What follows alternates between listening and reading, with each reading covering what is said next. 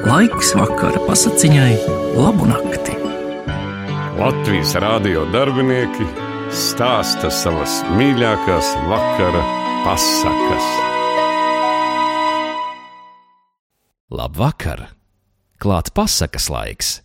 Es esmu Roberts Ošiņš, Latvijas Rādio 2 raidījuma vadītājs, un šovakar tev izstāstīšu brāļu Grimu pasaku Brēmenes muzikanti. Kādam vīram bija ēzelis, kurš ilgus gadus neapnicis bija nesājis labības maisus uz dzirnavām, bet vecumā viņa spēki sāka izsīkt, un viņš vairs nebija noderīgs grūtajam darbam. Vīrs tagad sāka domāt, kā ietaupīt to barību, ko apēda ēzelis. Ēzelis nomanīja, ka vairs nebūs labi, tādēļ aizbēga no vīra un devās prom uz Brēmeni, kur viņš cerēja kļūt par pilsētas muzikantu. Gājis kādu gabaliņu, viņš redzēja ceļmalā guļam medību suni, kas smagi elpoja un bija galīgi nokusis. Ko tu tā els pakan? Ēzels prasīja. Ak, esmu kļuvis vecs un topu ar katru dienu nespēcīgāks, suns atteica. Medībās vairs nevaru tik žigli paskriet, tādēļ mans kungs mani gribēja nosist. Tik tikko paguvu no viņa aizmukt. Nezinu, kā tagad nopelnīšu sev maizi. Vai zini ko? Ēzels ieteicās. Es dodos uz Brēmeni, lai kļūtu par pilsētas muzikantu. Nāc man līdzi par palīgu. Es spēlēšu cītaru, bet tu sitīsi bungas. Suns bija ar mieru, un viņi abi gāja tālāk.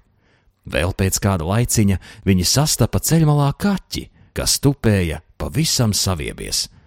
Kas tad tev, ņurrātāji, noticies, ka esi tik bēdīgs? Ēzelis prasīja. Kas tur par prieku, ja pavisam vairs neveicas? Kaķis atbildēja. Tā kā esmu vecs, mani zobi kļuvuši trulāki, un man pašam vairāk paprātam sēdēt aizkrāsnē un ņurrāt, nekā skraidīt pakaļ pelēm. Saimniece mani gribēja noslīcināt, es izspruku no viņas nagiem, bet nu pats nezinu, ko iesākt, kā pelnīt sev pārtiku. Nāc mums līdzi uz brēmeni, tu taču proti spēlēt nakts mūziku, salīgsim tur par pilsētas muzikantiem. Kaķim šis padoms patika, un viņš gāja līdzi. Pēc tam visi trīs bēgļi gāja garām kādām mājām, kur uz vārtiem tupēja gailis un dziedāja pilnā kaklā. Tu jau aizbļausi visiem ausis, teica ēzelis. Kas tev noticis? Dziedādams, es esot vēstījis jauku laiku, Gailis stāstīja. Saimniece tāpēc bija stājusies pie veļas mazgāšanas, bet nu nevar izžāvēt un dusmojas. Rīt svētdienā viņai būs viesi, tādēļ likusi ķēkšai mani nokaut un izvārīt zupā. Bet man vēl negribas zaudēt savu galvu, tādēļ arī pirms nāves vēl kliedzu, cik spēju. Ko tu sarkans eksti te par niekiem klaigā? teica Ēzelis. Nāc labāk mums līdzi uz brēmeni! Tur tev klāsies labāk nekā zupas katlā. Tev ir laba balss, tādēļ mums visiem kopā iznāks ļoti jauka muzicēšana. Gailim patika šāds priekšlikums, un viņi visi četri kopīgi gāja tālāk. Bet vienā dienā brēmene nebija sasniedzama. Pret vakaru draugi nonāca mežā, kur viņiem nācās pārnakšņot. Ēzelis ar suni nometās pie kāda liela koka, kaķis ielīda zaros, bet gailis uzlaidās pašā koka galotnē, jo tur bija visdrošāk. Bet pirms aizmigšanas viņš pēc veca paraduma palūkojās vēl visapkārt. Gailim likās, ka tepat netālu deg uguns. Tādēļ viņš uzsauca saviem biedriem, ka tepat tūmā esot kādas mājas, kur logā spīdot svece. Tad jau mums jādodas uz turieni, jo te nav visai teicama nakts guļa, Ēzels teica. Suns arī bija ar mieru. Tur visādā ziņā dabūšot kādu kaulu vai atradīšot pat kumosiņu gaļas. Tādēļ visi devās uz to pusi, kur spīdēja uguntiņa. Uguntiņa kļuva arvien gaišāka, arvien lielāka. Beidzot viņi nonāca pie spilgti apgaismotas laupītāju mājas. Ēzelis kā lielākais piegāja pie loga vistuvāk un ieskatījās iekšā. Ko tu tur redzi, pelēci? Gailis prasīja. Ko es redzu? pārjautāja ēzelis. Es redzu apklātu galdu, kas apkrauts visādiem ēdieniem un dzērieniem, un laupītāji sēž visapkārt un mielojas. Mums arī darētu krietnas vakariņas, Gailis noteica.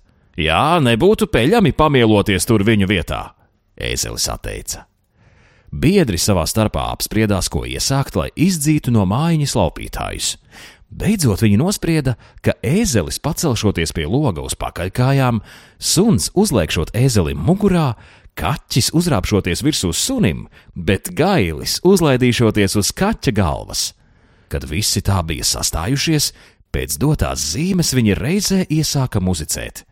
Ēzelis bļāva, suns rēja, kaķis ņaudēja, gailis dziedāja. Izsituši logu, viņi metās istabā. Laupītāji briesmīgi izbijās no trakā trokšņa, pielēca kājās un aizbēga uz mežu.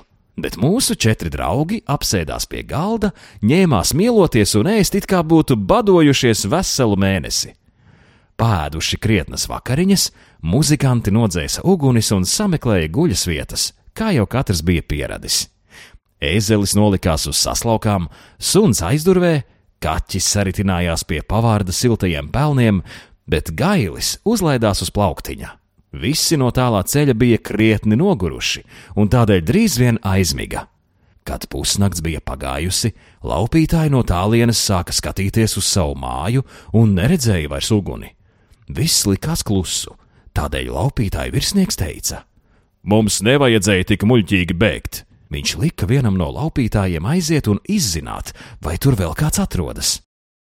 Atsūtītais ārpusē paklausījās, bet viss bija klusu.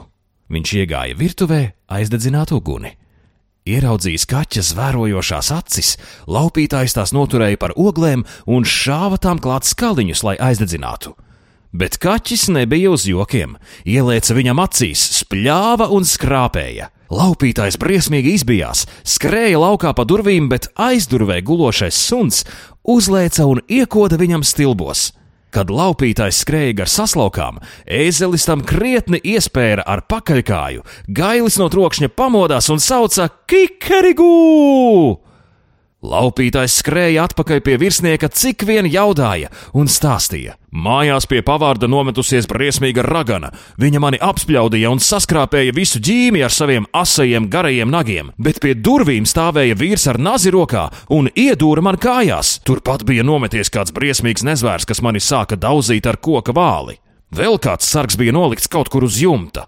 No turienes viņš sauca, lai tikai padodot arī viņam, bet es liku projām, ko nagi nes. Pēc tam laupītājs savā mājā vairs nedrīkstēja rādīties. Visiem četriem brēmenes muzikantiem te ļoti labi patika, tā ka viņi no šejienes nemaz vairs negāja projām. Beidzamais, kas man to stāstīja, apgalvoja, ka viņi vēl tagad tur dzīvojot. Un te nu stāsts ir galā.